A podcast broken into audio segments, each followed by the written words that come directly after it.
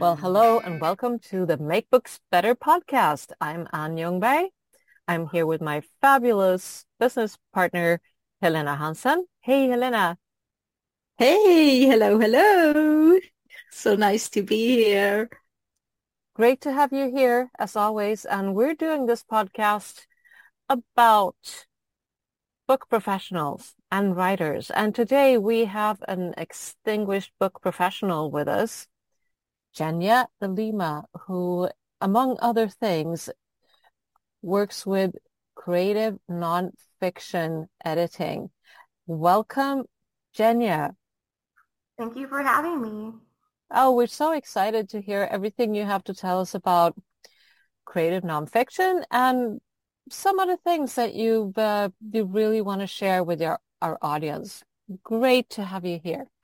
Yeah, really. And I think I know both Anne and me. We think creative nonfiction is so, it's like, it's such a, an exciting topic, but mm-hmm. maybe there are people who don't know what creative nonfiction is. So how would you define creative nonfiction and what makes it different from other types of writing? So creative nonfiction is still taking something that is based on truth, but it's not like straight up nonfiction or an article you might read in a peer-reviewed journal where it's completely fact-based and can be backed up. And you're also applying a lot of elements that you will find in fiction, like that narrative feel where there's a start and a middle and a finish. And just like, for instance, if you're writing a memoir, instead of making them exactly like they would say and recounting conversations word for word, those people are now going to become characters. And so that also means shucking off a lot of what makes that person that person in real life because we're condensing it down to a more digestible format for the average reader. That's so interesting. Would you say there are, like, you know, this technique show, don't tell? Oh, yes. Does that exist in creative nonfiction as well? Yeah, very much so. So I like to say it's the difference between telling a story to a friend, you know, something interesting might happen to you, and you call a friend on the phone and you relate this story to them. And mm. it's very much probably going to follow the lines of, I was walking down the street and then this happened to me and you won't believe what happened next. But that's not immersive. That's no. someone passively listening. They're not an engaged part of your story. And so if you take those elements from narrative fiction and then apply them to that story, now you have creative nonfiction, where just like with a really good novel, you're pulling that reader in and you're getting them invested in the story. Yeah. Yeah, that's so interesting. So, do you have any advice for authors or to authors who are interested in creative nonfiction well, part of mm. it would depend on what they want to write about. So with a memoir especially, there are, I don't want to say rules, but there are techniques that can help. And one of those would be finding a theme, not necessarily taking the David Copperfield approach where I am born and then going from there. Yeah. Let the reader know the parts that are relevant and what applies to your theme. And if you're telling a story just for the sake of telling a story, maybe it doesn't belong in there. But then branching out from that, if we look at other subgenres of creative nonfiction, to try and find the human element and then extract that and apply it to your story. Yeah.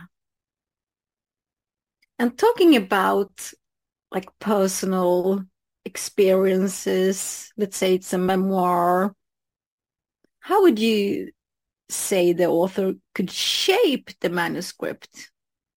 In the best way? How much should you tell about yourself and what's relevant and what's not relevant? Maybe it's a tricky question, but it, it can be, and it's a little bit of a case by case basis because it also applies to the author and what they're comfortable with sharing. And I do sometimes remind people, you could be having hundreds, thousands of people reading this. Do you want hundreds to thousands of people knowing this about you? Yeah. or being able to pinpoint that closely maybe where you live even or where some of these events took place. And that might not have been something that the author thought about as they were writing. And most of the time those details really are not necessary. So you can just take those out and leave them somewhere else. Make yeah. up things, which is partially what makes creative nonfiction creative nonfiction, hence the creative part. Yeah. You're, you're allowed to tweak the details a little bit there. Yeah, exactly. So let's say someone has a story to tell. They want to write a nonfiction book. Mm-hmm. They have a message, which is usually something that nonfiction will mm-hmm. focus mm-hmm. on. How do you turn them into creating this, creating nonfiction, telling their stories? So sometimes, and this is usually the easiest route, taking that and personally applying it to the author. How mm-hmm. did you get interested in this subject? When did your interest start? What was it about this that really spoke to you and drew you in? What other areas in your life have been impacted because of this interest? Or where have you found your life diverging a little bit from other people's because of this fascination in this subject? And adding those in not only makes it seem more like a real person is involved in the story, which of course they are, but it also adds that human interest element too, which is a big part of what makes creative nonfiction creative nonfiction. So, for instance, if you have a geologist and they're talking about rock formations and they studied rock formations in, I don't know, just let's say Iceland, uh, talking about when they first studied geology and they had that spark of, you know what, this is really interesting. I will, I could spend the rest of my life doing this. And talking about going to the library and reading every single book cover to cover that their library had and then realizing I need more. Those sorts of elements and personal details added in are what help bring that subject to life and make it read more than just a flat entry in a textbook. And do you see this creativity coming into any kind of nonfiction? Are there uh, types that definitely don't work with the creative stories? Some of them more scientifically based, obviously, when it's a study and you're trying to prove a theory or present research. And that's only because sometimes then adding that emotion can pull away from the believability or it can feel like you're trying to bias people one way or the other toward believing something. And so in that case, I would say it's best to avoid it. But that's a different type of writing altogether since that's usually the sort of writing you would just see presented in academia or a peer-reviewed journal or something of the sort. Not really a book that you might pick up in the fiction department at Barnes and Noble. Exactly. No. Oh, great answer. And how about like renewing some uh, genres? Let's say cookbooks. Mm-hmm. How about adding stories to those? I'm sure it's been done. Oh yeah especially if you read blog entries where someone goes on, you know, forever yeah. before you get to the recipe. And I do think that that is one thing where, again, but that's also finding your audience and knowing what appeals to them. And there are always going to be people that want to see a little bit more. So, like if you're instructing someone on how to find the best tomatoes for this recipe, you can throw in a little personal story there about, well, when I went to the farmer's market in such and such place, here's what I did and here's what I found out. Here are my results. So again, now you've technically taken your cookbook and now it is creative nonfiction. Yeah. So much fun. Yeah. And I know you are an expert in research as well. Yeah. How important is that in creative nonfiction and do you have any advice to authors writing creative nonfiction how to research the best way? Always go back to the original source whenever you possibly can. Otherwise, a lot of the time you end up just regurgitating someone else's ideas or their observations. One that could be incorrect and you will lose believability from your readers and in your story if they know otherwise. But then also, too, you have to trust the resources that you're looking at. So that's part of it, too, and being able to gauge whether or not this resource is a reliable resource or not. So don't use Wikipedia, please. you can use mm-hmm. Wikipedia and follow the links from Wikipedia, and they'll often have a lot of really great resources from there. But that also goes back to trying and get as much firsthand information as possible. Yeah. Good advice. That's, yeah. Really. So do you have any personal favorite creative nonfiction books? Uh, oh wow, it's hard because I do like so many. I'm reading one right now that is about the history of medical transplants. wow.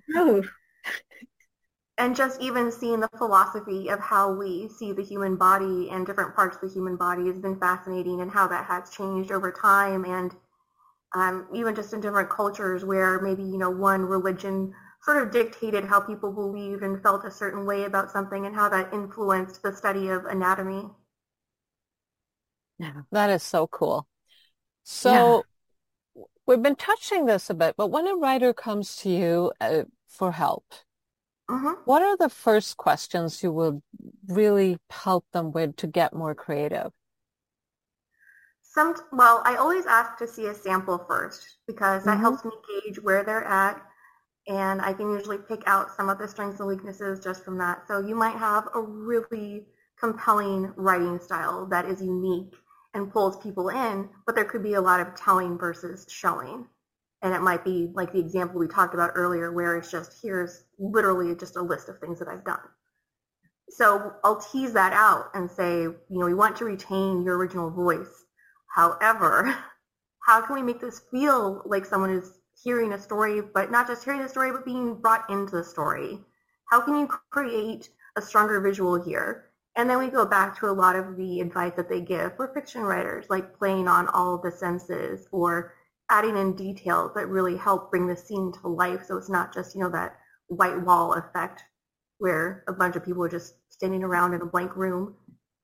Because mm-hmm. the scene usually helps too, especially with memoirs, setting can be an integral part since so much of who we are is influenced by our atmosphere and our environment. Good advice. Exactly. So, h- how did you get into this line of business? I had a really roundabout way of getting into it. So, I started on my school newspaper when I was 15, and then I continued working on the school newspaper and editing for the school newspaper in college. Then I got into all the academia related stuff with writing peer reviewed journals, making in-house documents for different organizations I worked for, editing other people's work, writing a blog based on engineering when I'm not an engineer, which really honed my research skills. I will tell you that. I felt like I was constantly looking things up. And so I did that for a while, but then I realized that this is not really the kind of editing and writing that I want to do for the rest of my life because a lot of it just started to feel the same. And I've always enjoyed reading, so I just started gradually transitioning over to working on just fiction, you know, by helping people with their creative writing projects and that sort of thing. And now that's what I do full time. Yeah. And, but that's also why I like creative nonfiction because it feels more like fiction than you know, a scholar a scholarly article. Yeah. Right. And have you been working with fiction also? Yes, I do both, and I do think that the two influence each other. So it's sort of like if you have historical fiction, it has a bit of the same technique and what you need to look for that you would look for in someone's memoir, for instance, as far as you know research goes, and then studying the scene and all of that and bringing a place to life. Very cool. Yeah, so you so can actually have these uh, both um, genres, so to say, to learn from each other. Yeah, exactly. That's so cool. Do you have any advice to editors who are working on creative nonfiction manuscripts? What's the best way to do it? Really reading as much as you possibly can in the genre, especially if you're going to work on a subgenre, is my biggest piece of advice because it helps you see what works, what doesn't work, the patterns, and having that editing background and knowing how to look for certain things and identify them, such as where pacing might lag or where the flow feels off. You're going to be able to pinpoint that too within that genre and then take that and apply it to your own work. Yeah. That was a really good advice. Thank you. Yes. And I know you've also been working with things like world building. Would you mm-hmm. care to explore or explain a little more about that? Is that mainly for fiction writers? Well, in a way, but it can also work with creative nonfiction. And then I know we keep going back to memoir, but that really is sort of the the number one subgenre that you find within creative nonfiction because especially let's say you grew up in the 70s a lot of your readers might not know what it was like to grow up in the 70s so essentially you're world building for them. You're letting them know here's what it was like growing up in this place in this decade. And it's the same thing a little bit with historical fiction and then fantasy and sci-fi is a little different because you're not going to have anything that can be backed up by another person's work or papers or their own recollections. So then it's also a matter of have you filled it out enough? And then in some cases, have you gone overboard with it? And do we need to trim it back because world building is taking over every other aspect of the story, as well as keeping it consistent? Right. Um, why do you think a writer needs an editor? There are so many reasons. yeah. So one thing is that if you look at studies about how our brains work while we are writing versus while we are editing, we use a lot more of the brain's resources and we tap into a higher level of cognitive functioning while we're writing. And that means we can't go back and then self-edit it and we can't edit while we're writing because we're using too many of those other resources already it's sort of like if we had a bucket and it's filled to the top and then someone says, well, we need to pour another, you know, two gallons in this bucket. We can't. We physically can't. It's not going to happen. Mm-hmm. The other reason is because you're only one person and that's your perspective. You need to bring someone else in who can look at it on the behalf of the reader. Maybe your idea isn't translating as well as you think it is because, of course, to you, it makes perfect sense because you know what you're trying to say and you know what you're trying to get across. But an editor also has training that goes beyond just what you would get from a beta reader or having, you know, a family friend read it. And they're going to be able to look for those areas where maybe the writing could be strengthened or the story is lacking in some capacity. And they're able to share that advice with you, hopefully in a gentle and productive way. And then you can take that and apply it. But you might not have even been aware that those were issues to look out for. Very good. So the writers that you've been helping, how how do they find you? Um, mostly now it's referrals. Mm. I would say 90% of the new clients that I have come in now are referrals. The best way, really. Yeah, exactly. it really is. It's a it's hard struggle and for editors as well as for writers, of course. Writers struggle to find readers. Do you have any great tips for writers who need to get out there and let the world know that they have a great book for you? There are so many opportunities and it and even depending on your comfort level with speaking person in person with people or perhaps you prefer doing it on social media where you don't have to be face to face, there are so many avenues that you can take. So of course, social media is one, setting up an author account on your platform of choice. And I always suggest that people choose a platform they're comfortable with and they can foresee themselves continuing to use. Because if you set up an account on, say, Instagram and then you realize you really dislike posting on Instagram, you're not likely to continue doing it or to continue to engage and learn about ways to engage and draw in a bigger following. So that's part of it too. Find one that you're comfortable with and that you are excited about using. Set down a schedule, get a schedule for posting set out because people are going to expect a certain dependability on when you post. Have a cohesive feed, choose a color scheme, fonts you prefer to use, because basically you're making yourself into a brand, which yeah. I know sounds dehumanizing, but it does help because you're doing this to sell your books, not really sell yourself so much. Exactly. So I think that can, can yeah. help to pull yourself away from it that way. So important. Yeah. And and that thought also for many authors makes it easier to actually go out and sell their books, not sell uh-huh. themselves. Uh-huh. Which is yeah, it's hard work. But uh, you're doing a service to your readers as well as you as an editor, you're doing a service to your writers. Yeah. So yeah, we all need to get more comfortable with marketing somehow. Yeah. Mm-hmm. Yes. And that, I think that's part of it. And it can be a little bit of trial and error. And that's okay too. Play around with something and then maybe you can pull back and say, okay, you know what, this really isn't for me. But I love in-person events where I can talk to people and chat with my following, chat with my potential readers. And in that case, maybe you should be contacting libraries and local bookstores or looking for events in your area where you can go and see people and do the signings and do all the marketing that way. Oh, yes. Great advice. And what yeah. did you do before you got all these referrals? What was your best marketing um, attempt?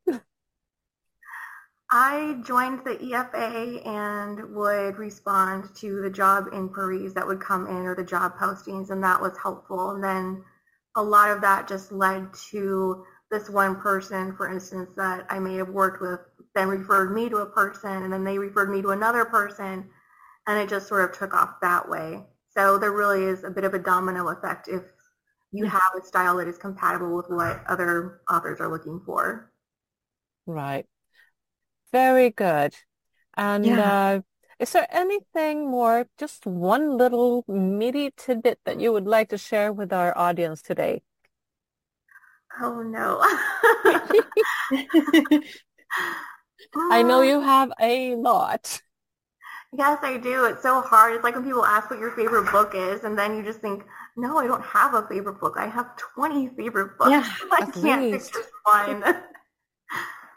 I would just say that, especially for writers, if someone tells you this is the way it is, you have to start a story this way, someone else's writing advice is really just what worked for them. That doesn't mean it will work for you. That doesn't mean it will apply to your story. That is profound. No that is profound. Really good. We're so excited to have had you here on the Make Books Better podcast and actually hope to hear a lot more from you in the future. Oh, yeah. Thank you so much. Thank you. For having me. It's been great.